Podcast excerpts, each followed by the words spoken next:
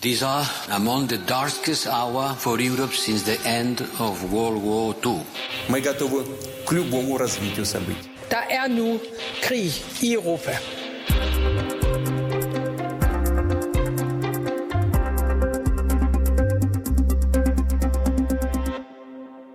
En brasilianer ved navn Victor Muller Ferreira søger en øh, af de omkring 200 ulønnede praktikpladser ved den øh, internationale straffedomstol ICC i den hollandske by Haag. Han har studeret statskundskab på øh, John Hopkins Universitet i USA og på Trinity College i Irland. Og blandt hans venner på sociale medier, der finder man tidligere medstuderende, der nu arbejder for Goldman Sachs og for diverse tænketanker og føderale instanser i Washington D.C.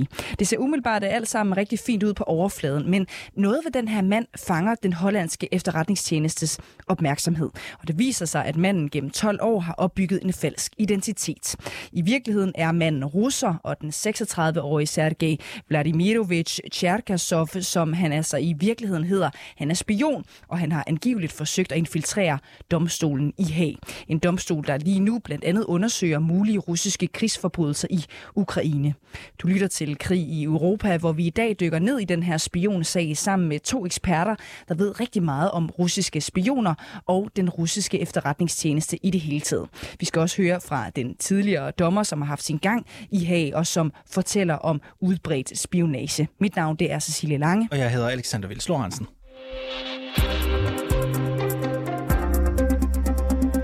En russisk agent har altså angiveligt forsøgt at infiltrere den internationale straffedomstol i Haag.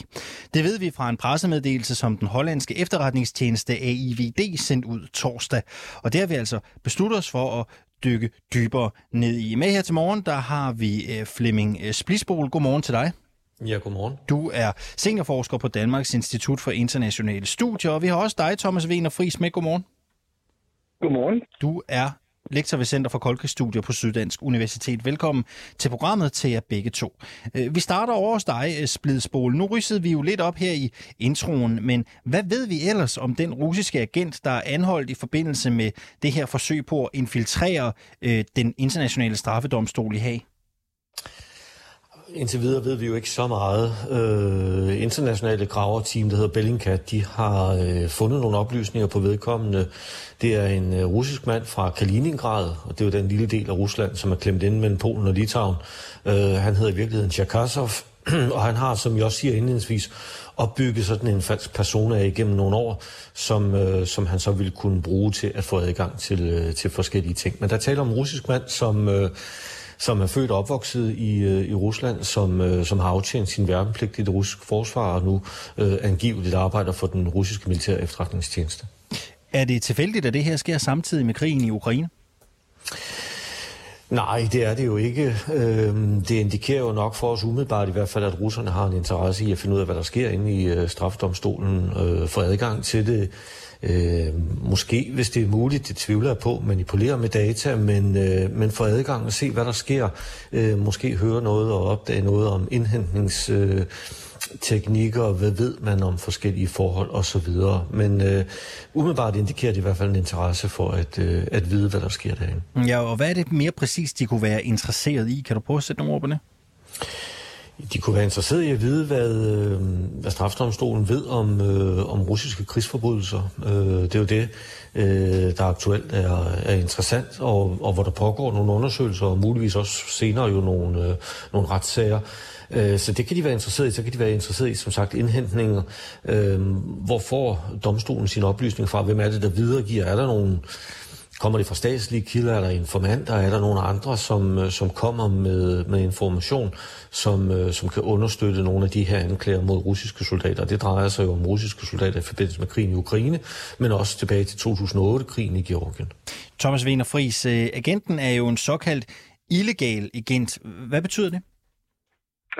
Jamen, det betyder, at han opererer uafhængig af, af de russiske residenturer, altså efterretningsafdelingerne ude på, på øh, de, de russiske ambassader. Og, øhm, og de er ret svære at få, få fingrene i, hvis, at, øh, hvis de ikke lige laver fejl, eller, eller hvis vi ikke finder på nye måder at, at tjekke deres, deres, deres rejsemønstre, for eksempel rundt i verden, eller, der, eller, eller hvor, hvor sandsynlige deres cover stories er. Så, det, så, er det nogle, så kan det godt være nogle meget vanskelige fyre på fingrene i. Hvorfor er de svære at få fingrene i?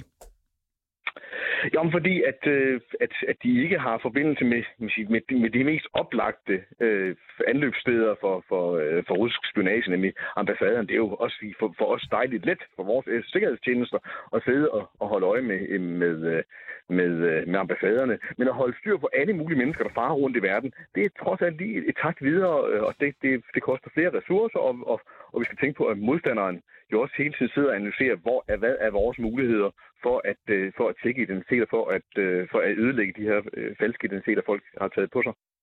Øh, lad os lige prøve at vende øh, tilbage til dig, øh, Flemming Splidsbol. Agenten her, han arbejder angiveligt for efterretningstjenesten GRU.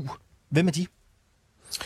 Ja, det, er den, øh, det er den russiske militære efterretningstjeneste, øh, GRU, eller GU, øh, som er deres nye navn, og nu er de åbenbart på vej tilbage til det gamle navn igen, øh, GRU, men det er den militære efterretningstjeneste, og det er jo en del af, af det russiske militære efterretningssystem, og det er øh, den lidt sådan...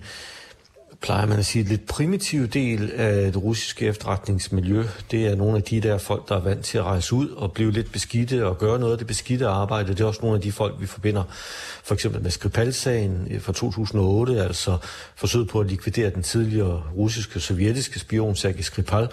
Øhm, de, er fra, de, de er fra den militære efterretningstjeneste, og det er nogle, nogle lidt andre typer end dem, vi for eksempel finder i udenrigs efterretningstjenesten, som er SVR. Det er de folk, som typisk sidder rundt omkring på ambassaderne, og som øh, Thomas Wiener Friis jo også refererer til, altså nogle af de, de der folk, der har deres, deres gang på ambassaderne. Ikke? De, går i, de går i jakkesæt, og de er mere poleret. De her grupfolk, de er, de er, de er sådan mere uortodoxe. Og uortodoxe, prøv lige at sætte et par, et par ekstra ord på det. Uortodox, det er jo, øh, at de er rekrutteret andre steder fra. De er mere operative måske. Øh, øh, de er knap så... Øh,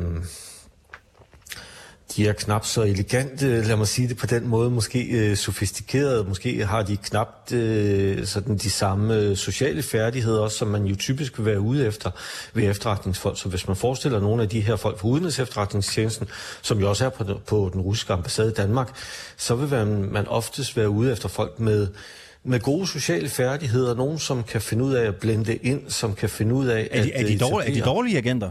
Altså, hvis lad mig Nej, de er, ikke dårlige, de er ikke dårlige. Jo, de kan være dårlige til det, de laver.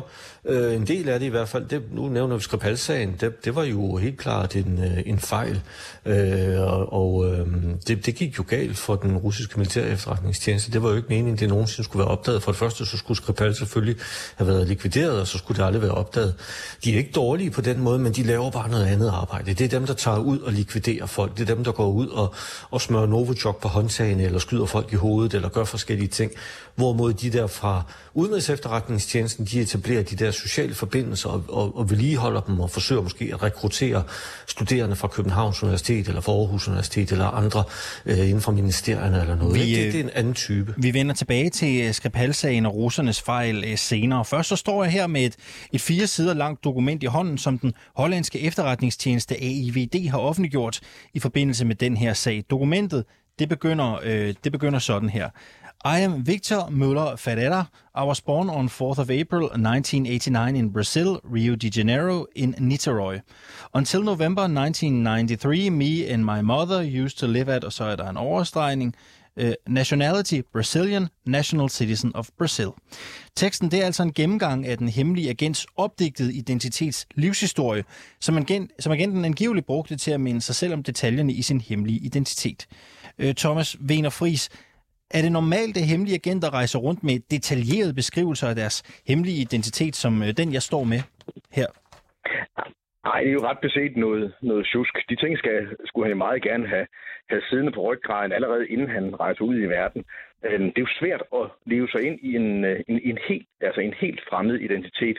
Øhm, altså dels at, at, altså kunne optræde med den samme naturlighed, men også, øh, du, du har jo risikoen for at, at møde folk, altså verden er jo et mærkeligt sted, ikke? Så lige pludselig så kan du møde en, der har været i den samme by, eller har gået på den samme skole, og så skal du have, en, så skal du have et bagkatalog af, af historier, som skal komme rimelig, rimelig frisk. Det kan man også se, at, at i det her dokument, der er, og om hans forelskelse i hans læger, og, og for hans, hans livsvej igennem, øh, ligesom, ligesom, han, han har været, ligesom han har været barn. Men det bør man jo kunne uden. Det bør man jo efter, efterhånden jo, jo kunne, øh, kunne udenad. Men, altså, men det er, også, det er også mennesker, vi har med at gøre her. Mennesker laver, mennesker laver fejl.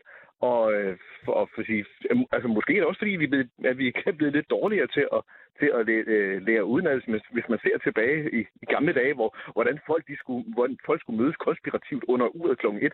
Altså i dag kan vi jo dårligt forestille os, at hvordan pokker man kan møde nogle mennesker uden en mobiltelefon.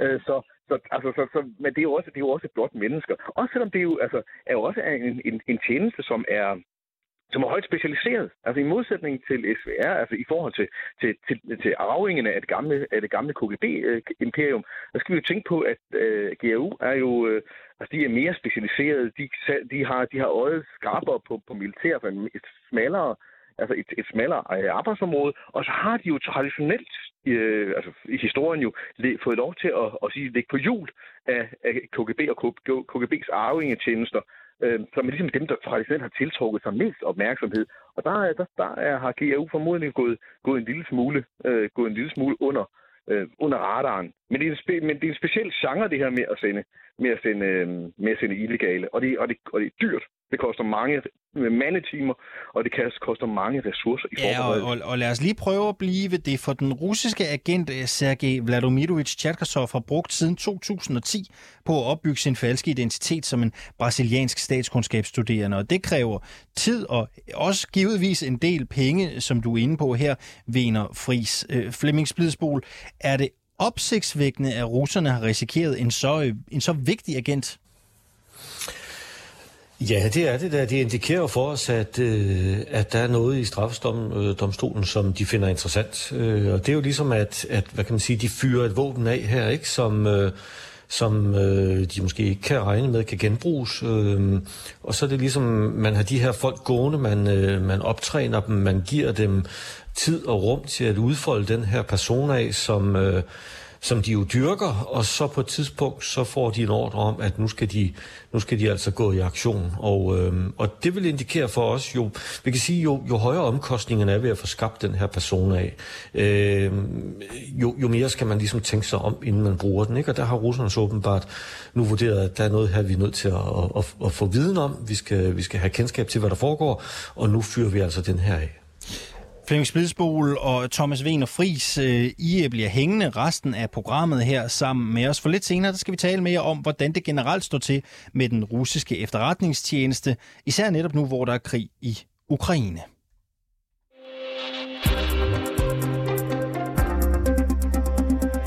Og russerne er ikke øh, de eneste, der gerne vil vide, hvad der foregår i den internationale straffedomstole ICC.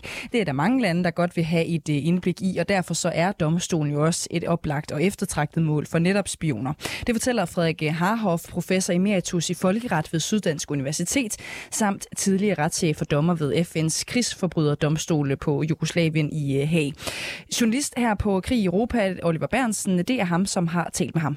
Det vi ved, det er, at øh, der er mange landes efterretningstjenester, der har en stor interesse i at finde ud af, hvad der foregår øh, i ICC, og, og navnlig i en situation, hvor et land øh, er i krig, øh, Ukraine og, og, og Rusland, øh, der vil det være stor betydning for det pågældende land at blive opmærksom på, hvem det er, ICC retter øh, sin efterforskning imod. Øh, fordi så kan de på den måde prøve at forhindre at øh, de beviser, der er mod de pågældende, øh, bliver sløret, eller bliver fjernet, eller destrueret, eller på en måde forsvinder. Ved man, hvilke lande, som, som forsøger at infiltrere ICC?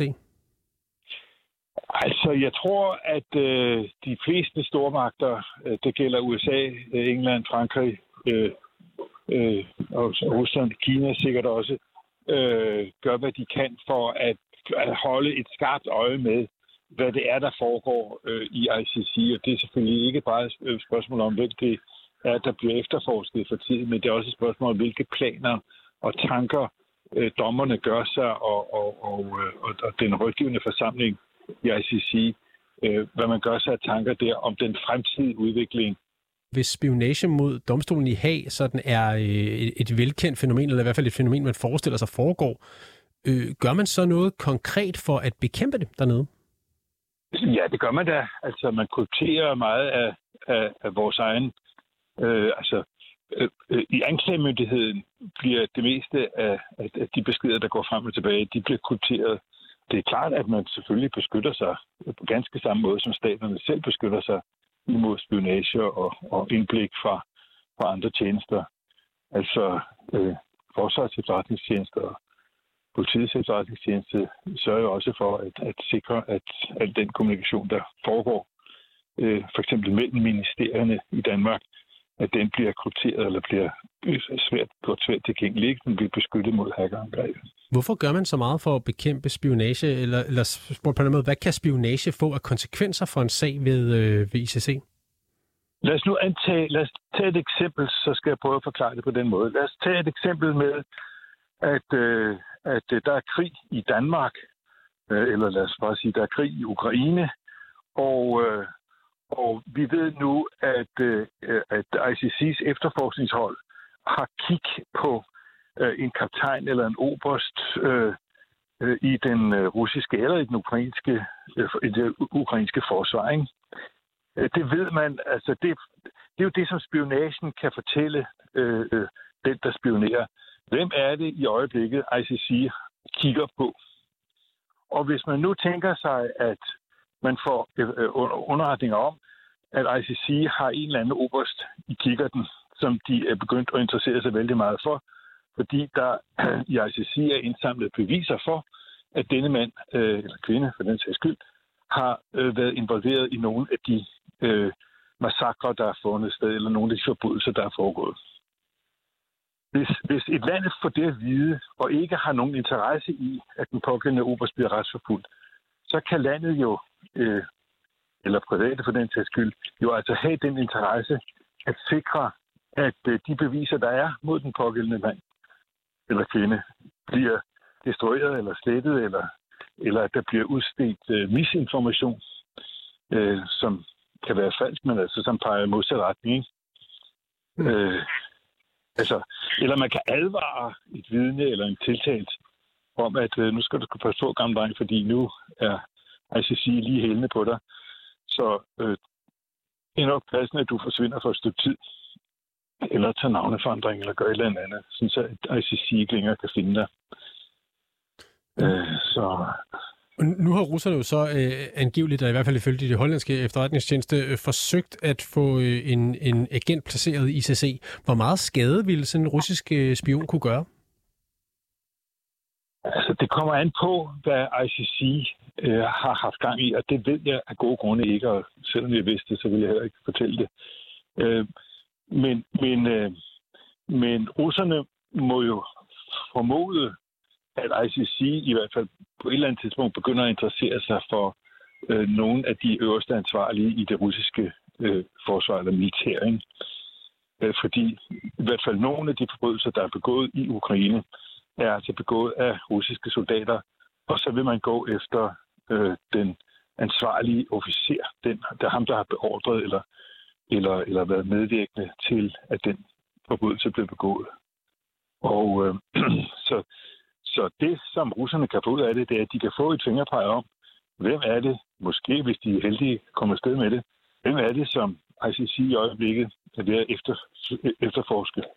Og øh, så kan de jo prøve, øh, hvis, hvis de ellers øh, øh, har besluttet sig for det, kan de prøve at obstruere efterforskningen. Lige så stilfærdigt selvfølgelig. Mm. Og men, altså nu det her jo så blevet opdaget. Nu ham her så blevet sendt øh, retur til Brasilien i det her tilfælde. Men ja. man kan vel ikke være sikker på, at man opdager al spionation mod ICC? det kan man aldrig. Det er det, der er med spioner. At øh, nogle af dem lykkes altså at, at få indsamlet informationer. Og det, altså, så kan man jo på, på andre måder søge at hindre, at, at øh, informationer, som er virkelig følsomme, de kan slippe ud. Altså, jo mere følsomme informationerne er, desto bedre bliver der passet på dem selvfølgelig i ICC.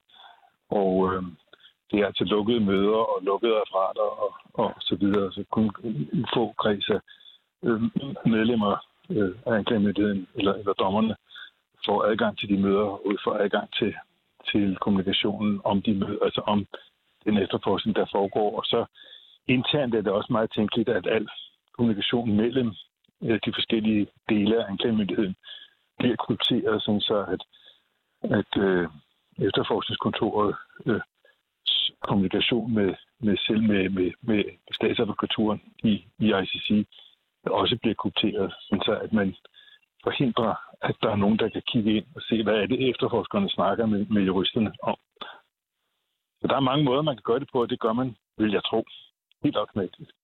Ja, så lød det altså fra Frederik Harhoff, som er professor emeritus i folkeret ved Syddansk Universitet, samt tidligere retschef og dommer ved FN's krigsforbryderdomstol på Jugoslavien i Haag.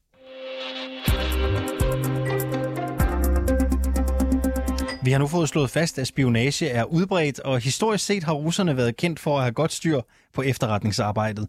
Men oven på den her afsløring af en russisk spion i Haag, så lad os lige se nærmere på, hvordan det egentlig slår til med efterretningsindsatsen i en tid, hvor russerne bekriger et europæisk land og er i stigende konflikt med øh, Vesten. Flemming Splidsbol, øh, seniorforsker på Danmarks Institut for Internationale Studier. Du er stadigvæk med, og det er du også, Thomas Wiener Friis, lektor ved Center for Koldkrigsstudier på Syddansk Universitet. Lad os starte ved dig, øh, Thomas Wiener Friis. Kan man sige noget om, hvor godt kørende de russiske efterretningstjenester har været under krigen i Ukraine? Vi kan først og fremmest sige noget om, at, øh, at de er under hårdt pres i, øh, i Vesten. Øh, det her kommer jo efter, efter, efter en, en lang række test, de måtte indkassere her i, øh, i starten af april, hvor vi jo i Vesten og i Europa udsendte langt over 200, øh, øh 200 efterretningsfolk fra deres, fra deres ambassade. Vi kan måske huske, at i Danmark der i starten af april, der, der sendte vi selv øh, 15, ud, 15 ud, men som en del af en langt større koordineret aktion. Og det gør, det gør ondt. Altså det vil sige, at man fratager dem store mængder af deres, af deres freds, fredstidsressourcer. Det har de selvfølgelig forberedt sig på det ved man godt, at der kan være en, en opskalering, og man ved godt, at, øh, at, nogle, øh, at nogle af ens agenter, nogle af ens ressourcer, de kan, de kan kun holde til fredstidspres, nogle kan holde til konfliktpresset, og man, vi må gå ud fra, at godt og vel øh, 10 procent af, af deres netværk kan, øh, vil, kunne, vil kunne modstå altså selv, selv i, øh, i, i, en, i en væbnet konflikt. Så vi har taget mange af, af deres våben fra, øh, fra dem, og, og det, at vi nu afslører øh, den unge mand her, øh, det, det, det viser også, at, at vi er oppe på stikkerne. Nu er det jo heller ikke mere end en lille uges tid siden faktisk, at, øh, at, at britterne jo har arresteret en, en russer, jo, i, som de godt nok lod gå igen. Men det viser, at, øh, at der er pres på de russiske ting. Ligesom der er økonomisk pres, ligesom der er militært pres, så, er, så, øh, så prøver vi også at tage nogle af, af deres efterretningsmæssige våben fra dem. Nu lykkedes det så ikke russerne at få deres spion eh, Sergej Vladimirovich Tjerkasov til at infiltrere øh, straffedomstolen i Haag. Han blev afsløret og sat på det første fly til Brasilien, hvor eh, hans øh, dækidentitet jo er statsborger. Øh, Splidspol viser den her øh, fiasko, kan vi jo godt kalde det, at russerne er dårligere, end vi troede, når det gælder spionage. Nej, det synes jeg ikke, at vi kan, øh, vi kan sige på baggrund af en enkelt historie. Det er klart også, øh, som vi hørte tidligere, der er noget, der bliver opdaget, og der er noget, der ikke bliver opdaget. Og der kan jo sidde russiske spioner andre steder, som vi ikke kender til, som har haft held med at infiltrere. Men jeg er meget enig i, at, at de er under pres nu. Og, og altså, det er jo lidt som vores egen tjeneste også siger, at vi kender jo typisk kun til de sager, hvor det går galt. Alle de sager, hvor de klarer det rigtig fint, dem går de jo ikke i, ud i medierne med. Øhm, så, så det er svært for os at sige, men de er under pres, det er der ingen tvivl om. Også når vi kigger på, på nogle af de sager, hvor det jo helt klart er gået galt. Nu nævnte vi Skripal-sagen tidligere, altså øh, fra 2018, og det var jo en meget spektakulær sag. Og den sag viste jo dels, at de fejlede, men også at de vestlige efterretningstjenester, i det her tilfælde den britiske, sikkert støttede af den amerikanske, havde fantastisk indblik i, hvad, øh, hvad de laver. Og, og, og dertil kommer jo altså også private efterretningstjenester og, og graverjournalister, som også kan nå meget, meget langt ind i rækken, øh, de inderste rækker af det russiske efterretningssystem. Så, så på den måde er de, er de under pres. Det er de også på grund af krigen i Ukraine. Rigtig dårlige efterretninger, øh, som er videregivet til Kreml. Øh, dårlig øh, indhentning, dårlig forståelse af, hvad der sker. Og det lægger måske til en, en opfattelse af, at, øh, at de gør deres arbejde dårligt lige nu. Men, men der kan jo altså også være nogle succeser indimellem, som vi bare ikke kender til. Men nu nævner du selv øh, Skripal-sagen her. Det var før krigen i Ukraine. Så det rejser jo bare et spørgsmål om, hvorvidt øh, de russiske spioner måske er lidt, lidt mere primitive, end hvad vi ellers kender til. Øh, men den præmis køber du måske ikke helt, Flemming Spidsbogen. Jo, det gør jeg. Nogle af dem er mere primitive. Nu talte jeg jo tidligere selv om det her med GRU, ikke? Øh, den militære efterretningstjeneste, som er kendt for at, at være en lille smule primitiv, altså være lidt hårdt slående, være sådan lidt upoleret, ikke? Øh, og, og der er måske nogle øh, af de her nyere, skarpere finesser, som de ikke helt har fået med, og det kan blandt andet være den digitale overvågning af dem. Øh, britiske og amerikanske tjenester, sammen med for, for eksempel Bellingcat, har jo fantastisk indblik i, øh, hvor de her to øh, GRU-agenter havde været, og det drejer sig ikke bare om deres besøg i Storbritannien, det drejer sig om deres besøg mange forskellige steder. Vi kunne se, hvor, hvor de bor i Moskva, vi kunne se, hvilken bil de kører i, øh, nummerplade, deres gas- øh, og elregninger osv. Så, så et fantastisk indblik. Og det kan vidne måske om, at de ikke helt har styr på det alligevel, og at ja, lad os bare sige det som det er også. Rusland er et meget korrupt land, hvor man kan købe stort set hvad som helst herunder personlige oplysninger om folk. Øh, så så øh, på en måde jo, øh, kan man sige, primitivt, øh, men det er jo også så en del af især grus øh, varemærke. Hvis krigen i Ukraine tester de russiske efterretningstjenester, hvordan klarer de så den test, Flemming Splidsbo? Så indtil videre virker det, som om de har klaret den rigtig dårligt.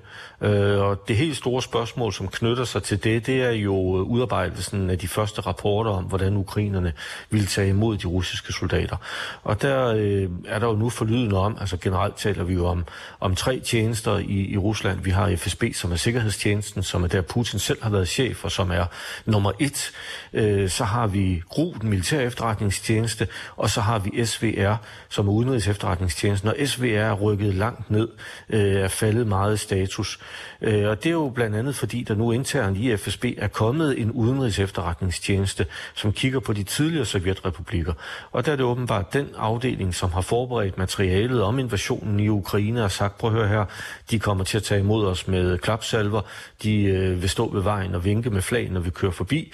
Øh, og det var jo en, øh, en eklatant øh, fiasko, og der er åbenbart også rullet nogle hoveder internt i FSB på grund af det.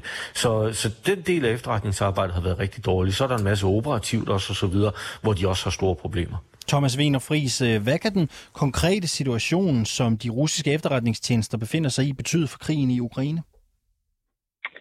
Altså, hvis de famler alt for meget i, i mørke, kan de jo komme til at, at lave, altså ligesom lave, lave, dårligere, uh, lave dårligere politiske beslutninger. Men vi skal også se, at, at det er jo ikke, altså, det her er en, en, en, det her er en avanceret operation, og viser, at de kan lave, uh, uh, fortsat lave avancerede operationer. Men nogle af problemerne ligger jo formodentlig et helt andet sted, nemlig deres evne til at lave, til at lave avanceret analysearbejde, til at give, øh, til at give kritiske analyser videre til, til deres ledere. Og det er jo en, det er jo en bias, det er en grundlæggende fejl øh, i det i fundamentet, som de har stemt, øh, som, som har som har dybe, dybe rødder i, i sovjetsystemet. Det er, når, når, vi, når vi ser tilbage, så er det netop det, at de sovjetiske og sovjetlignende efterretningstjenester var uhyre ringe til. Fordi den, der laver den type avancerede analyser og anbefalinger, har også et ansvar øh, for, for de forkerte beslutninger. Så det er lettere at fremlægge rå data og for at lave avancerede operationer, men det hjælper ikke så meget, hvis, man, hvis det ikke når frem, og hvis at, at modtageren ikke tager det alvorligt. Her kort til sidst, Flemming Splidsbol. Øh, samme spørgsmål til dig. Hvad kan den konkrete situation betyde for krigen i Ukraine? Det kan betyde, at, at russerne vil få store problemer i sidste ende, måske være med til også at øh, øh, bidrage til, at de taber krigen, øh, fordi efterretningsarbejde er selvfølgelig øh, enormt vigtigt. Det er det i fredstid, men det er det jo selvfølgelig også i, øh, i krigstid. Tusind tak til jer begge to, Flemming Splidsbol, seniorforsker ved Dansk Institut for Internationale Studier, og Thomas Wiener Friis, lektor ved Center for Koldkrigsstudier på Syddansk Universitet.